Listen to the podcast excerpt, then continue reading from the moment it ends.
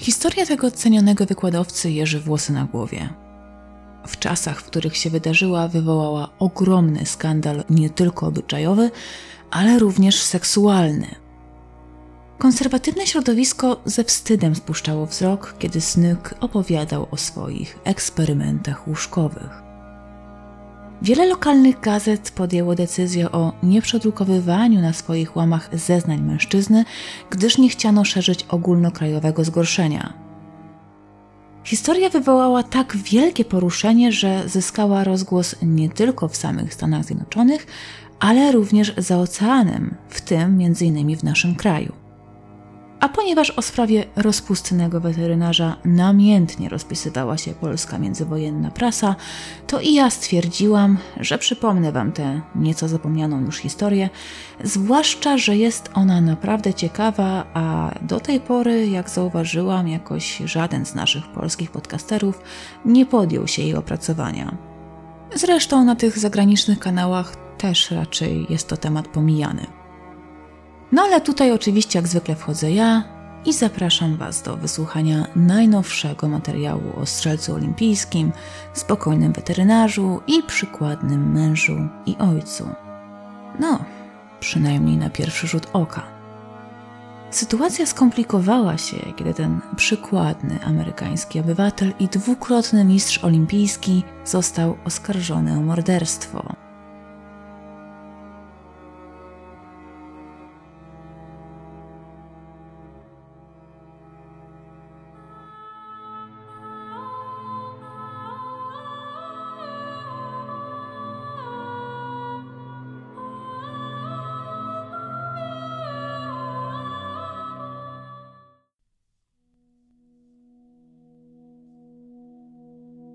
Columbus, stolica stanu Ohio w Stanach Zjednoczonych.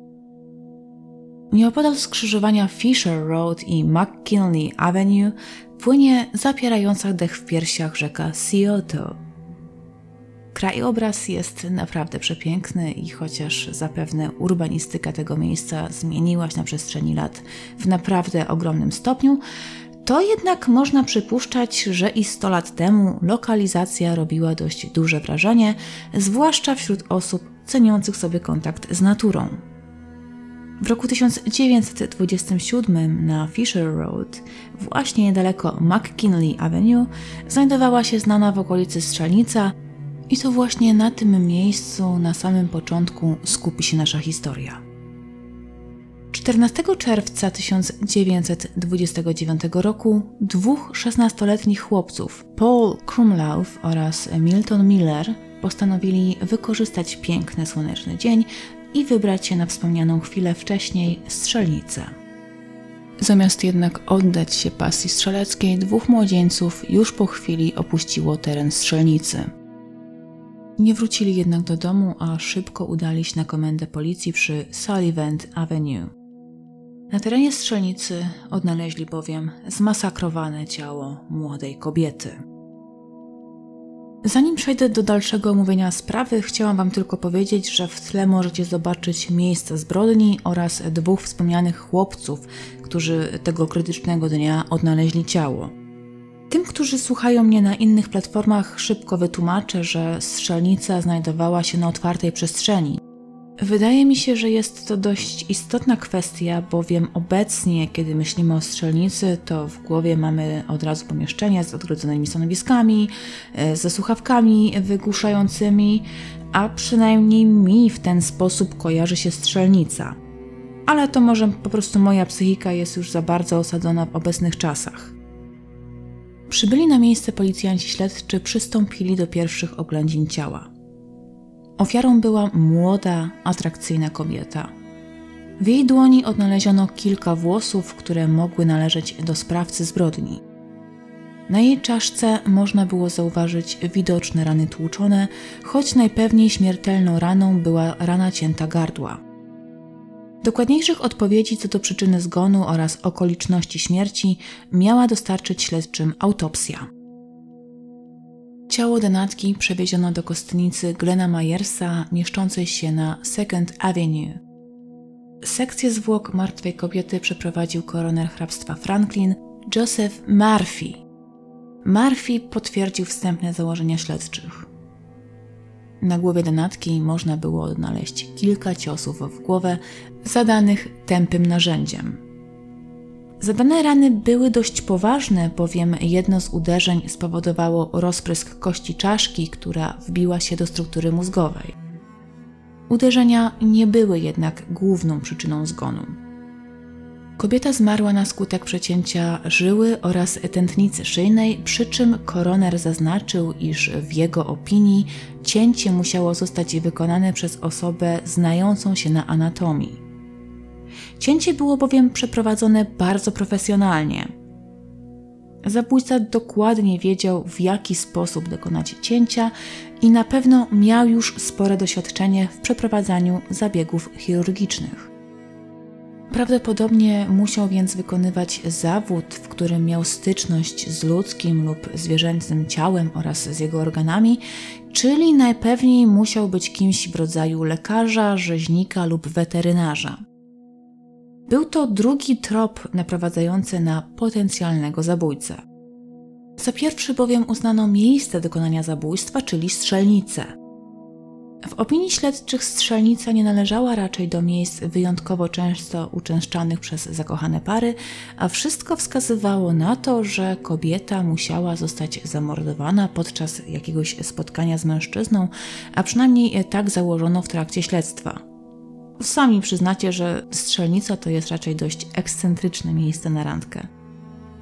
Założono więc, że skoro para znalazła się na terenie strzelnicy, no to najpewniej sprawca zbrodni musi mieć coś wspólnego ze strzelectwem. Dość ciekawe były wyniki treści żołądkowych denatki. Koroner odkrył kilka zwyczajnych i zupełnie niebudzących kontrowersji substancji i pokarmów, takich jak chociażby kanapka z wołowiną, cztery nasiona ogórka, kilka nasion truskawki oraz, tu robi się nieco dziwniej, kawałek brązowego papieru. No, ale możemy założyć, że kanapka z wołowiną była opakowana w brązowy papier, który kobieta nieopatrznie połknęła. Natomiast odnaleziono jeszcze inne substancje, które były już nieco bardziej kontrowersyjne. W żołądku denatki odnaleziono tajemniczą zieloną substancję, która po dokładniejszej analizie okazała się być hiszpańską muchą. Hiszpańska mucha to afrodyzjak zawierający w sobie kantarydynę, która ma uaktywniać zakończenia nerwowe w obrębie układu moczowo-płciowego, a tym samym pobudzać funkcje seksualne. Ale hiszpańska mucha nie była jedyną substancją pobudzającą funkcje seksualne, bowiem w żołądku denatki odnaleziono również konopie indyjskie. I tak wiem, że zapewne większość z Was przypisuje konopiom zupełnie inne działanie, aczkolwiek były one również stosowane jako afrodyzjak, który pomagał kobietom odnaleźć zaspokojenie i spełnienie seksualne. Robiło się więc nieco dziwnie, a sama denatka musiała żyć bardzo barwnym i ciekawym życiem. Teraz tylko trzeba było ustalić jej personalia. I tu śledczy nie mieli zbyt wielkiego problemu, bowiem można powiedzieć, że sprawa dość szybko rozwiązała się sama. No, prawie sama. Na posterunku lokalnej policji pojawiły się siostry Bastin, Alice i Beatrice. Kobiety weszły dość mocno zaniepokojone na komisariat, bowiem ich współlokatorka, Giora Hicks, nie wróciła na noc do domu. Panie miały mieszkać razem przy Neil Avenue. Panna Hicks miała być bardzo ładną, atrakcyjną brunetką, która mierzyła 5 stóp i 7 cali wzrostu oraz ważyła 145 funtów przeliczeniu na nasze miary w zaokrągleniu daje to wynik około 170 cm oraz 65 kg. Zaginiona panna Hicks miała 24 lata i studiowała medycynę na Uniwersytecie Stanowym w Ohio. Policjanci od razu skojarzyli sprawę zaginięcia z brutalnym zabójstwem. Opis zaginionej 24-latki pokrywał się z rysopisem podanym przez siostry Bastin – Współlokatorki Theory Hicks zostały więc przewiezione do kostnicy, gdzie też nastąpiło okazanie ciała. Siostry Bassin potwierdziły, że odnalezioną kobietą była Tiora Hicks. Śledztwo w sprawie morderstwa zapowiadało się na wyjątkowo ciężkie. Panna Hicks znana była z wyjątkowo rozwiązłego życia prywatnego. Łączona była z co najmniej kilkoma mężczyznami, z których każdy mógł być potencjalnym zabójcą. Jednym z głównych podejrzanych stał się Marion Myers.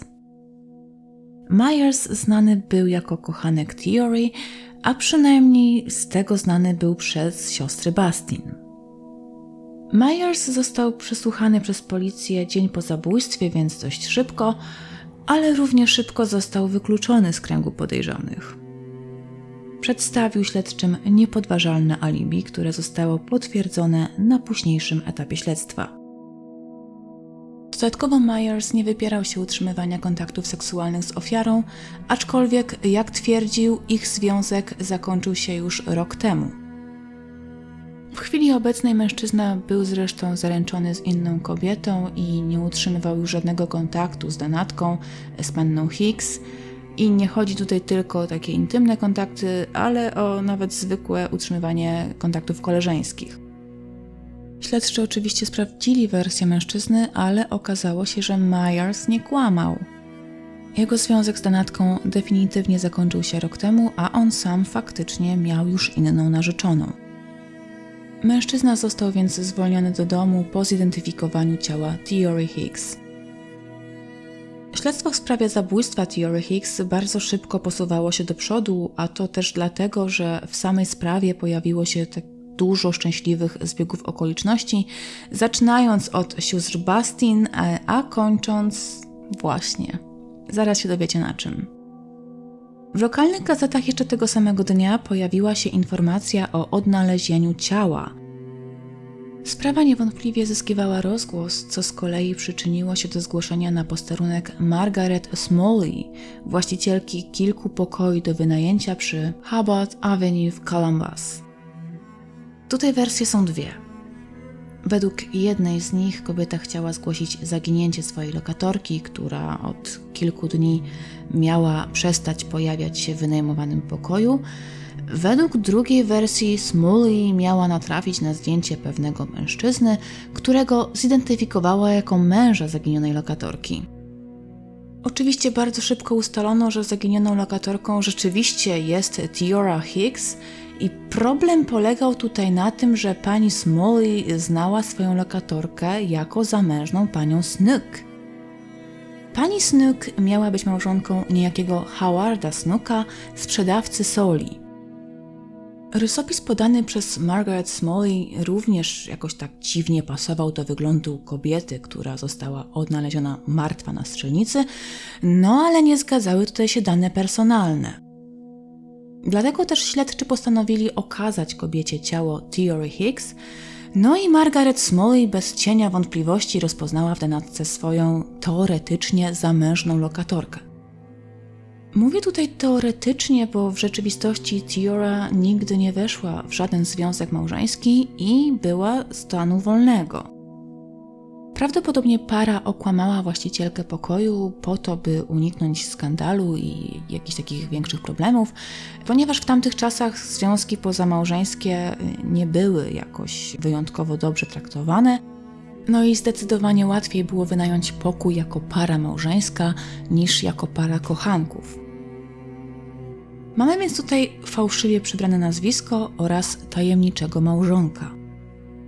Amerykańscy śledczy postanowili skupić się na odnalezieniu człowieka, który rzekomo miał być mężem denatki. Być może to właśnie ten mężczyzna był zabójcą 24-latki. I tak oto właśnie natrafiono na 49-letniego Jamesa Howarda Snooka. Snook był wykładowcą weterynarii na Uniwersytecie Stanowym w Ohio. Specjalizował się w chirurgii zwierząt koniowatych. Był również zapalonym sportowcem, dokładniej mówiąc strzelcem, i to z rewelacyjnymi wynikami. W roku 1920 na Igrzyskach Olimpijskich w Antwerpii zdobył ze swoją drużyną dwa złote medale. Jeden w konkurencji strzelania z pistoletu wojskowego z 30 metrów, drugi z dokładnie tej samej konkurencji, ale z odległości 50 metrów. Jak sami pewnie widzicie i potraficie złożyć tę układankę w jedną całość, to zbiegów okoliczności było tutaj zbyt wiele. Snook był chirurgiem weterynarii, dość dobrze zaznajomionym z anatomią, co z kolei zgadzało się z ustaleniami koronera. Idziemy dalej. To właśnie jego nazwiska używała Tiora, przedstawiając się pani Smalley, a sam mężczyzna, jako były olimpijczyk dyscypliny strzeleckiej, musiał być dobrze obeznany z bronią palną, a ciało Tiory Higgs odnaleziono właśnie na strzelnicy. Hicks oraz Snook mieli też szansę dobrze się poznać, bowiem w roku 1926 Tiora zaczęła pracę jako stenografka na Wydziale Weterynaryjnym Uniwersytetu Stanowego w Ohio. Tego samego, na którym wykładał James Snook. Nie trzeba być jakimś wybitnym detektywem, żeby zobaczyć, że wszystkie wątki tutaj prowadzą do Jamesa Snooka. I teoretycznie wszystko pasowało do typu sprawcy, którego poszukiwali policjanci śledczy. Ale Snook zupełnie nie pasował do typu wyrafinowanego zabójcy. Uznawany był za dobrego sąsiada, wspaniałego, choć nieco zamkniętego i małomównego człowieka. U nas zapewne powiedzielibyśmy, że zawsze dzień dobry na klatce mówił. Pewnie wiecie, o jaki typ mi tutaj chodzi. James Snook był nie tylko poważnym sportowcem, ale również wybitnym doktorem nauk weterynaryjnych. Dodatkowo od roku 1922 był szczęśliwie żonaty. Snook poślubił nieco młodszą od siebie kobietę, Helen, która w dość szybkim czasie urodziła mu małą córeczkę. Cała rodzina mieszkała wspólnie przy East Avenue, właśnie niedaleko kampusu, w którym Snook pracował. Co potencjalnie mogłoby skłonić takiego mężczyznę sukcesu do zbrodni? Aby upewnić się w swoich podejrzeniach, policjanci zaaranżowali okazanie podejrzanego, zdawało się, jednemu świadkowi, który mógł rozpoznać rzekomego męża zamordowanej kobiety. Pani Margaret Smalley, Kobieta od razu rozpoznała w snuku mężczyznę, który przedstawił jej się jako Howard Snook, podając się przy tym za małżonka jej lokatorki. Pomimo tak przytłaczających dowodów wskazujących na sprawstwo Snooka, aresztowany mężczyzna całkowicie wypierał się swojej winy. A ponieważ były to zupełnie inne czasy niż obecnie, to też policjanci nie mieli ochoty bawić się z podejrzanym w kotka i myszkę. Podobno podczas przedłużającego się już przesłuchania zastosowano tak zwaną metodę trzeciego stopnia, czyli mówiąc prosto, względem przesłuchiwanego mężczyzny zastosowano przemoc fizyczną.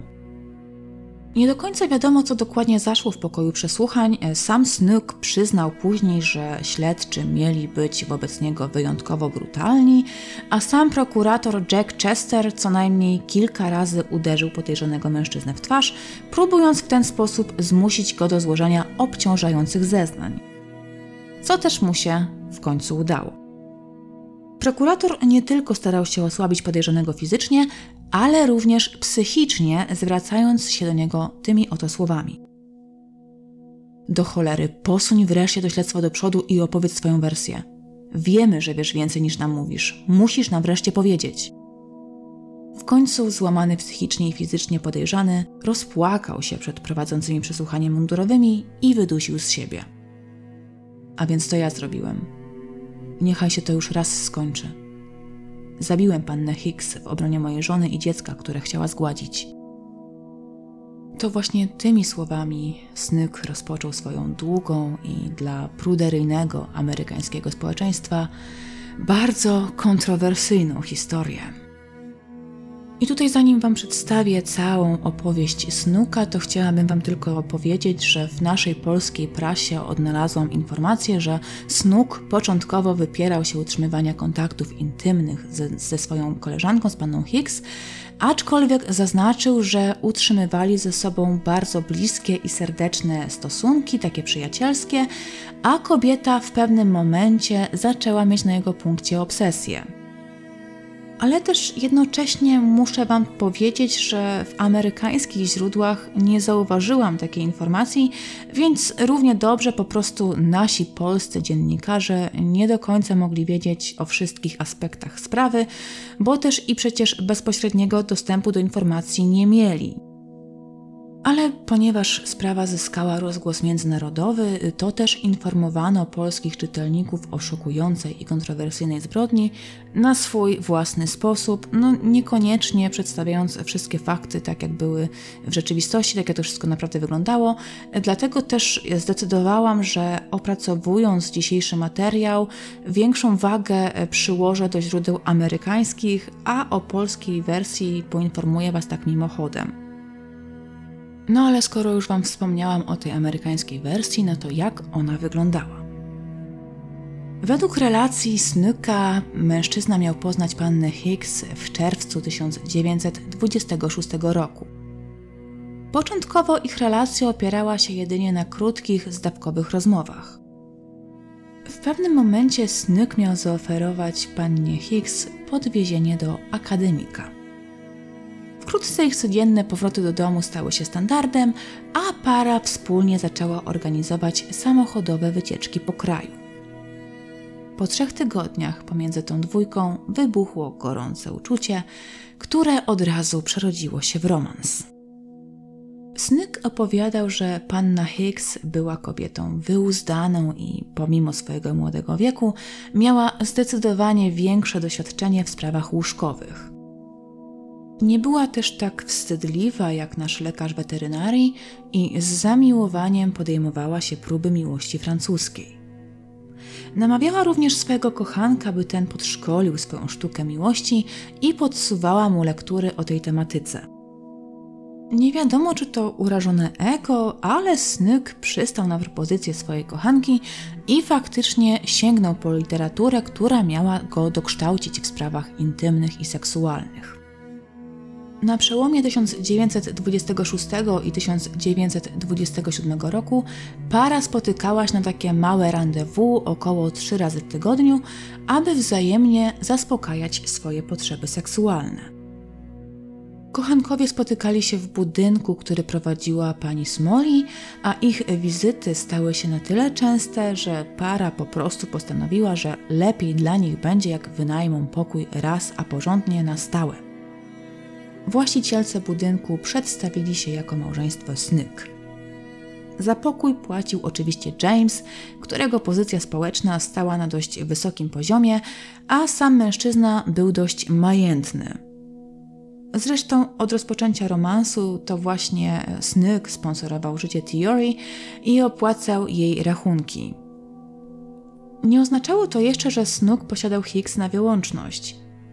Kobieta miała posiadać kilku kochanków, z czego najbardziej znany był przyszły wykładowca Uniwersytetu Stanowego w Ohio, wspomniany wcześniej pierwszy podejrzany w sprawie, Marion Myers. Myers za czasów swojego romansu z Hicks był jeszcze studentem wspomnianego uniwersytetu. Według słów samej Theory, a przynajmniej tak przekonywał swego czasu Snook, ona i Myers mieli nawet zostać przyłapani przez patrol policyjny nad rzeką Scioto, jak w zaparkowanym samochodzie oddają się miłości fizycznej. Sam Myers miał być postacią, którą panna Hicks często przywoływała w swoich opowieściach, była bowiem podobno bardzo zachwycona jego talentem oraz tym, jak hojnie został obdarzony przez naturę. Oczywiście Tiora miała wypominać Snookowi, że on nie może się poszczycić takim szczęściem, przez co stosunki z Myersem miały sprawiać jej dużo więcej przyjemności i satysfakcji. Co do samej relacji, to Snook określił, że w żadnym wypadku nie była to relacja na poziomie romantycznym. Chodzi mi tutaj o tą relację pomiędzy Snookiem a Hicks.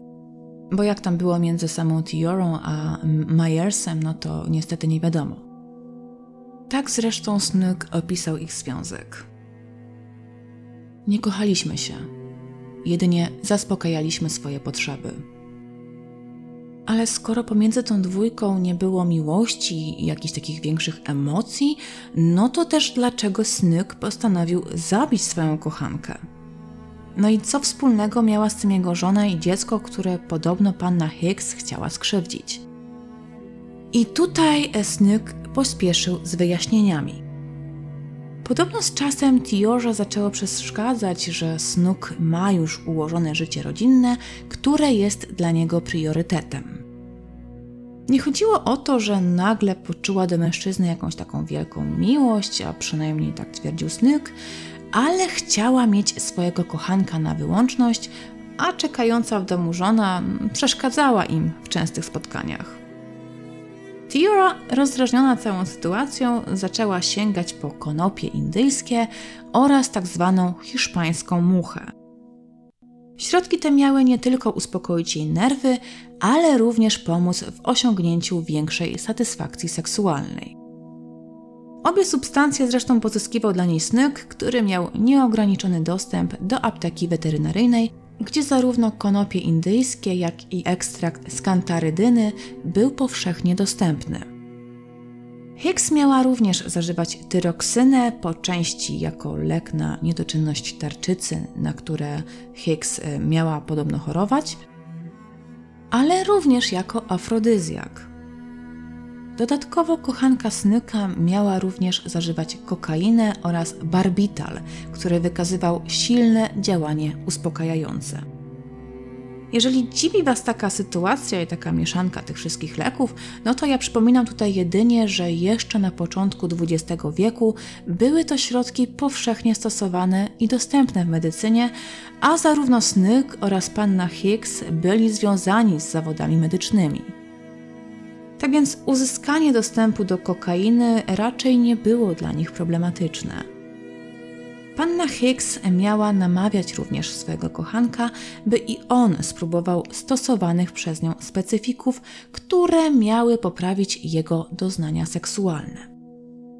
Tutaj po raz kolejny Snyk wykazał się ogromną asertywnością i połknął podawane mu przez Hicks specyfiki.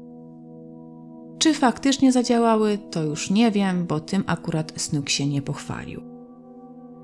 Ale gdybym rozbudziła ciekawość kogoś z Was, to tylko wspominam, że większość tych specyfików, o których Wam wspomniałam, jest dziś już zakazana i nielegalna, tak więc nie przetestujecie jej na sobie. Nawet hiszpańska mucha, która niektórym może być znana i oficjalnie oczywiście jest ona dostępna na rynku, to według europejskich wymogów nie może zawierać w sobie kantarydyny, czyli tak naprawdę tego głównego składnika, na którym pierwotnie opierał się skład oryginalnego specyfiku.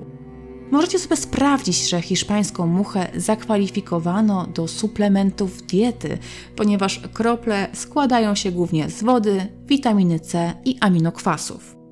Tylko oczywiście kosztują stosunkowo więcej niż witamina C. To tak z cyklu zbrodnia zapomniane uczą i bawią. Wracając jednak do historii samego Snooka, to mężczyzna wyznał, że nauczył swoją kochankę strzelać na tej samej strzelnicy, na której zostało odnalezione jej ciało. Rzekomo uczynił to po to, aby dziewczyna umiała zadbać o swoje bezpieczeństwo. Miał również sprezentować pannie Hicks rewolwer, który dziewczyna stale nosiła ze sobą w torebce. Co się zaś tyczy samej zbrodni, to Snook zeznał, że tego wieczora spotkał swoją kochankę na High Street niedaleko kampusu.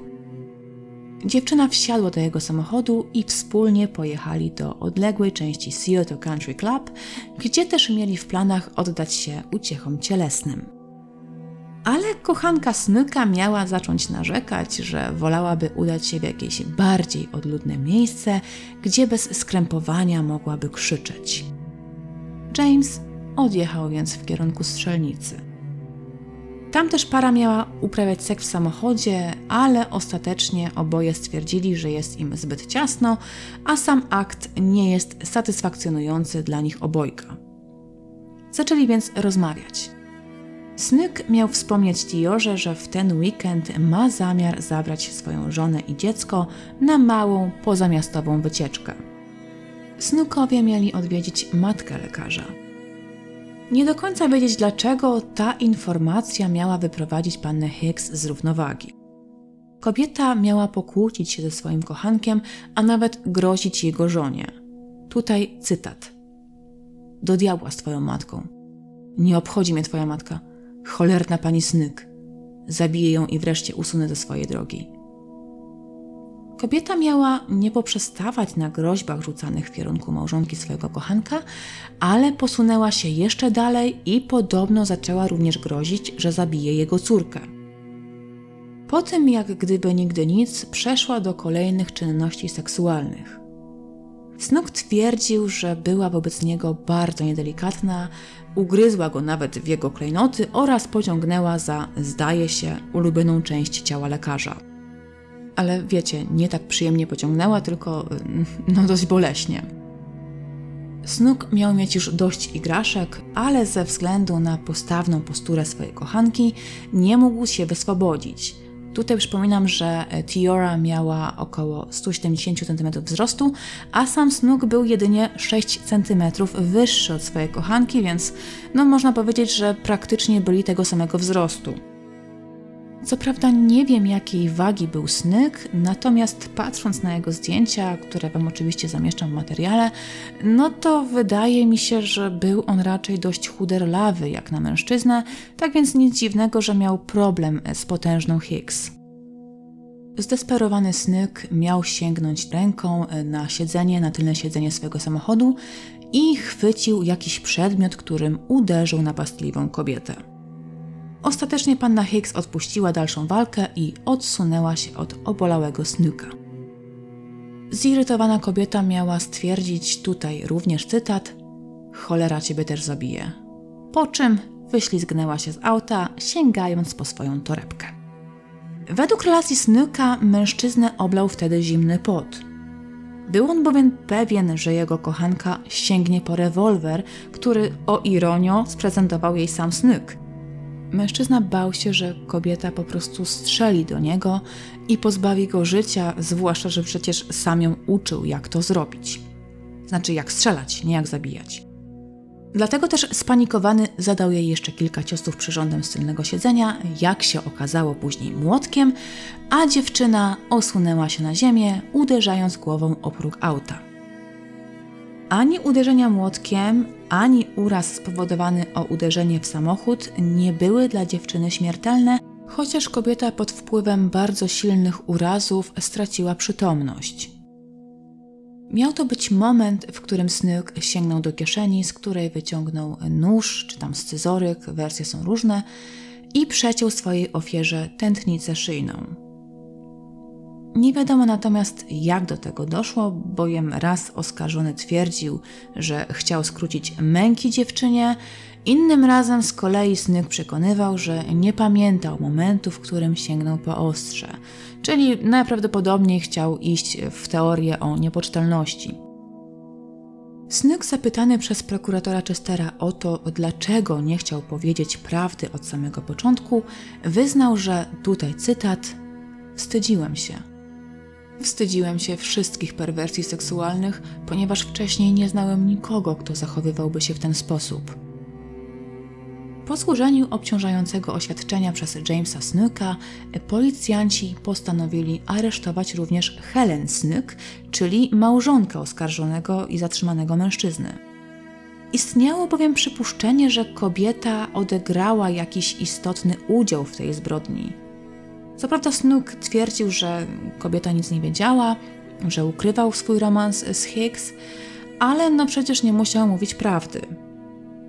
Helen mogła dowiedzieć się o romansie męża i właśnie wraz ze swoim małżonkiem zabić niewygodną kochankę. Zwłaszcza, że być może, tak jak pamiętacie, w dłoni panny Hicks odnaleziono kępkę wyrwanych długich włosów, które mogły należeć do innej kobiety. Ekspertyza ujawniła jednak, iż był to fałszywy trop, bowiem odnalezione włosy należały do samej denatki, a aresztowana Helen Snyk nie miała zielonego pojęcia o tym, że mąż zdradza ją z młodszą kobietą. Ostatecznie Helen Snyk została wypuszczona z aresztu i oczyszczona z wszelkich zarzutów. Podczas dalszego dochodzenia Snook został złapany na kłamstwie – Okazało się, że aresztowany mężczyzna okłamał śledczych, że nie czyścił swojego samochodu po dokonaniu morderstwa.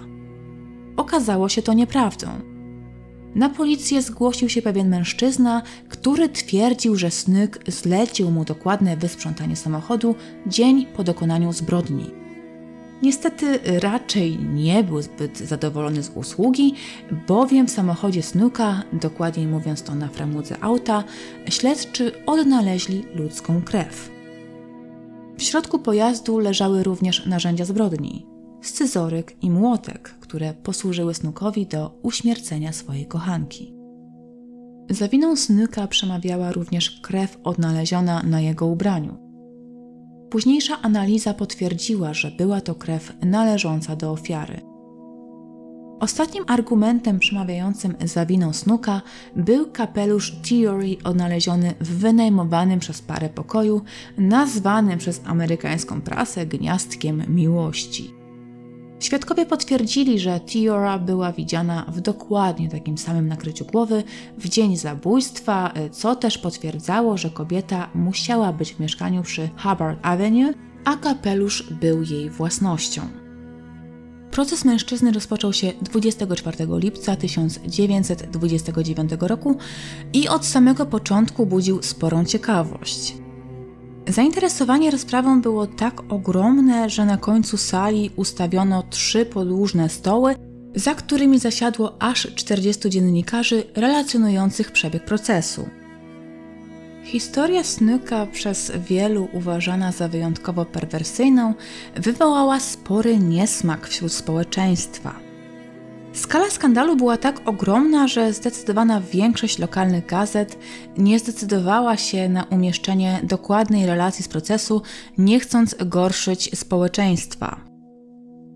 W sprawie powołano 42 świadków, w tym oczywiście również żonę Snuka, Helen oraz jego matkę.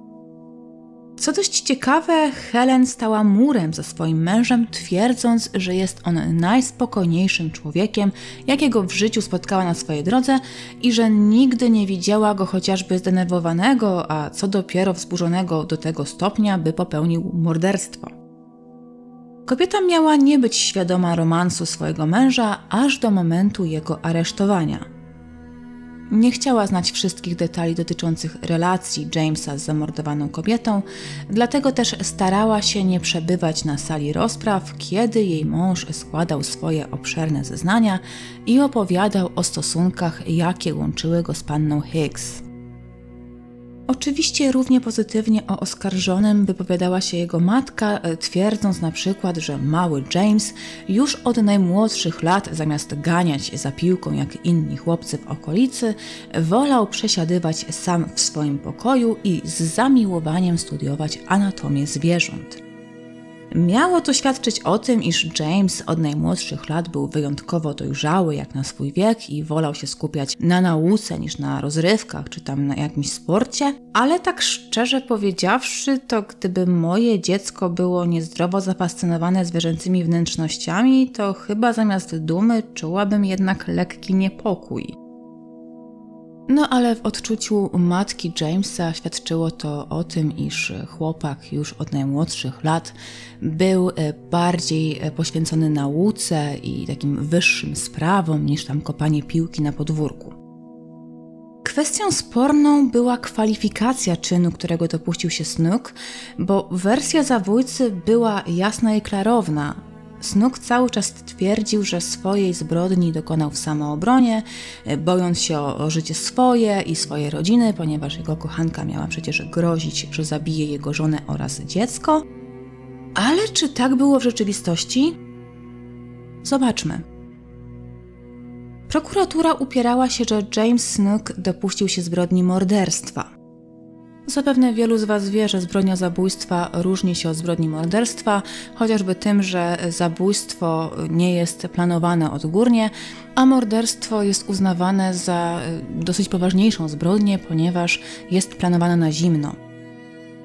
Argumentowano to tym, że Snook woził ze sobą młotek oraz nóż, które ostatecznie posłużyły mu do dokonania zbrodni.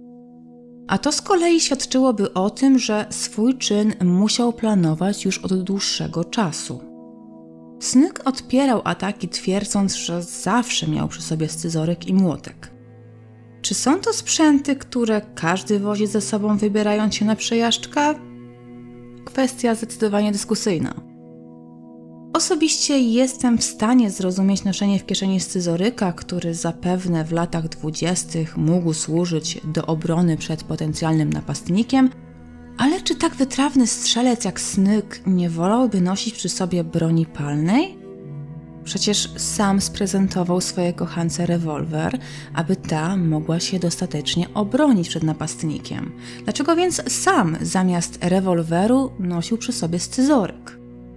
Rewolwer byłby nie tylko skuteczniejszy w walce z prawdopodobnym napastnikiem, ale również sam Snyk miał zdecydowanie większe doświadczenie z obsługą pistoletów i rewolwerów. Nie miał natomiast tężyzny fizycznej, aby móc dostatecznie obronić się scyzorykiem. No, ale możemy tutaj powiedzieć, że 50-latek miał przecież małe dziecko, więc załóżmy, że mógł obawiać się posiadania broni w swoim otoczeniu, chociaż osobiście wątpię, by w latach 20. zeszłego wieku przykładano aż tak wielką wagę do zabezpieczenia broni przed małoletnim. Ale staram się znaleźć jakiś sensowny argument, który przemawiałby na korzyść mężczyzny. Kolejną kwestią sporną był motyw.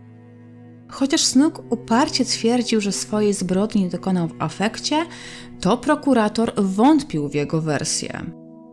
Według prokuratora Jacka Chestera Snook chciał pozbyć się kochanki w obawie przed skandalem.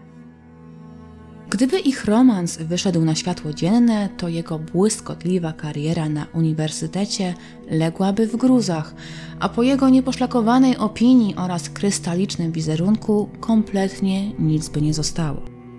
Snook ryzykował również swoje małżeństwo, bowiem nie wiadomo, jak zareagowałaby pani Snyk na wieść, że jej mąż nie tylko nie dochował jej wierności, ale również poddawał się takim perwersjom. Pamiętajmy tutaj, że pruderyjne społeczeństwo amerykańskie nie akceptowało wtedy takich, powiedzmy sobie delikatnie, ekscesów łóżkowych. Być może panna Hicks zaczęła szantażować swojego kochanka, a wystraszony Snyk postanowił pozbyć się niewygodnej kobiety w obawie przed utratą swojej rodziny i reputacji. Kolejną sprawą był samochód oskarżonego weterynarza. Od razu po dokonaniu zbrodni Snook starał się pozacierać wszystkie ślady. Już następnego dnia rano zamówił profesjonalne, przynajmniej teoretycznie profesjonalne, czyszczenie auta, którego tak na marginesie mówiąc początkowo się wyparł. Z drugiej strony w środku pozostawił narzędzia zbrodni, które utwierdziły śledczych, że to właśnie on jest mordercą Theory Hicks. Nie za bardzo tutaj rozumiem jego poczynania, ponieważ pierwszą rzeczą, o jaką troszczą się zabójcy, zazwyczaj jest właśnie wyrzucenie lub co najmniej dobre ukrycie narzędzia zbrodni, tak żeby nie powiązać ich z ofiarą. Tymczasem Snyk, jak gdyby nigdy nic, nadal trzymał w aucie scyzoryk oraz młotek, co też może świadczyć na jego korzyść. Ale też może po prostu mężczyzna nie spodziewał się, że śledczy tak szybko połączą go ze sprawą.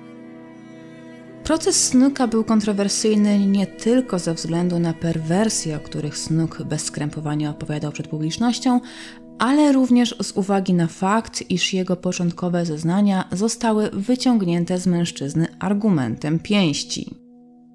Dało się słyszeć głosy, że takie przyznanie się nie powinno mieć żadnej wartości prawnej. Ale widocznie ławie przysięgłych to w ogóle nie przeszkadzało. Żona oraz matka oskarżonego do samego końca stały po jego stronie, wspierając go przed ogłoszeniem werdyktu. Podobno obie panie podeszły do oskarżonego i w geście mm, wsparcia trzymały go za dłonie.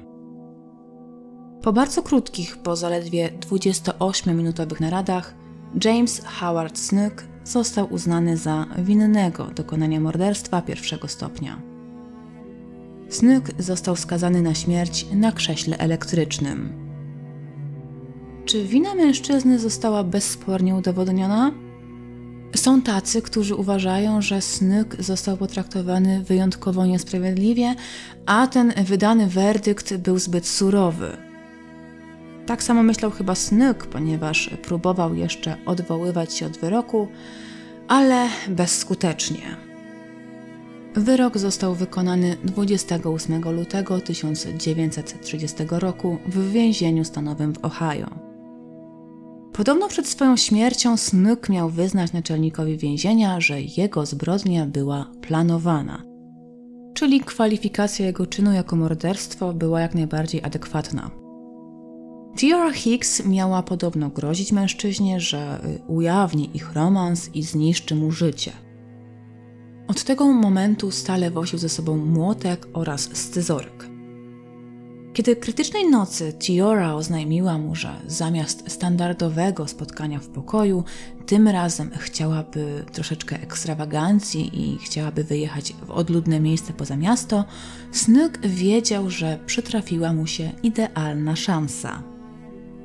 Wywiózł kobietę na strzelnicę, na teren, który bardzo dobrze znał, wiedział, że nikogo o tak późnej godzinie nie powinno być w okolicy i tam e, z premedytacją odebrał jej życie. Jak stwierdził, za narzędzie mordu specjalnie wybrał młotek oraz nóż, aby zbrodnia wyglądała na dzieło szatana. Miało to sugerować śledczym, że Tiora padła ofiarą jakiegoś maniakalnego mordercy. Niestety, ostatecznie ta sztuka mu się nie udała. James Snook został pochowany na cmentarzu Green Lawn w Columbus. Co dość interesujące, na jego płycie nagrobnej można odnaleźć jedynie jego pierwsze oraz drugie imię James Howard. Zadecydowano o nieumieszczaniu na płycie nazwiska Snooka, gdyż z uwagi na głośną, medialną sprawę jego zabójstwa, które zresztą miało takie podłoże perwersyjne, obawiano się, że miejsce jego pochówku zostanie zdewastowane. Grup Jamesa Snooka istnieje zresztą po dziś dzień. Wkleję Wam zdjęcia płyty nagrobnej. Nie polecam odwiedzin, bo raczej wątpię, żeby ktoś z Was akurat wybierał się do stanu Ohio. Ale gdyby ktoś tam przypadkiem był, no to oczywiście informuję, że jest takie miejsce. Czy wyznanie naczelnika więzienia było prawdziwe? Cóż, z jednej strony można powiedzieć, że mężczyzna nie miał powodu, by kłamać, ale z drugiej strony Snyk i tak nie mógł już się bronić przed atakami. Tak na dobrą sprawę to można było mu przypisać już wszystko. Tak więc zakończyło się życie wybitnego weterynarza, wybitnego naukowca i medalisty olimpijskiego, w dodatku złotego medalisty. Macie więc tutaj taką sprawę, nad którą możecie nieco pomyśleć i zastanowić się, czy według Was zbrodnia Jamesa Snooka była planowana, czy też była zbrodnią w afekcie. Czy Snook mógł obawiać się, że panna Hicks odbierze życie jego żonie i dziecku? A może prawdą jest, że weterynarz po prostu bał się utraty swojej reputacji? Na tym kończymy naszą dzisiejszą wyprawę za ocean. Mam nadzieję, że sprawa była dla Was interesująca. Mi ona wydała się naprawdę fascynująca, więc stwierdziłam, że pomimo tego, że zwykle sięgam po sprawy z naszych terenów polskich, to dzisiaj Wam ją opracuję. Tym bardziej, że tak jak wspomniałam we wstępie, to ta sprawa była na tyle głośna i medialna, że Polacy również o niej słyszeli pojawiły się informacje w naszej polskiej międzywojennej prasie. Tak więc myślę, że dobrze było ją przypomnieć. Dziękuję Wam za wysłuchanie dzisiejszej historii. Życzę Wam miłego wypoczynku z uwagi na nadchodzące święta. Mam nadzieję, że być może mój głos umilił Wam troszkę te przygotowania przedświąteczne, albo być może po prostu zabijacie sobie czas, czekając na zajączka. Na pewno słyszymy się już niebawem. Mam nadzieję, że w tym samym gronie. Do usłyszenia.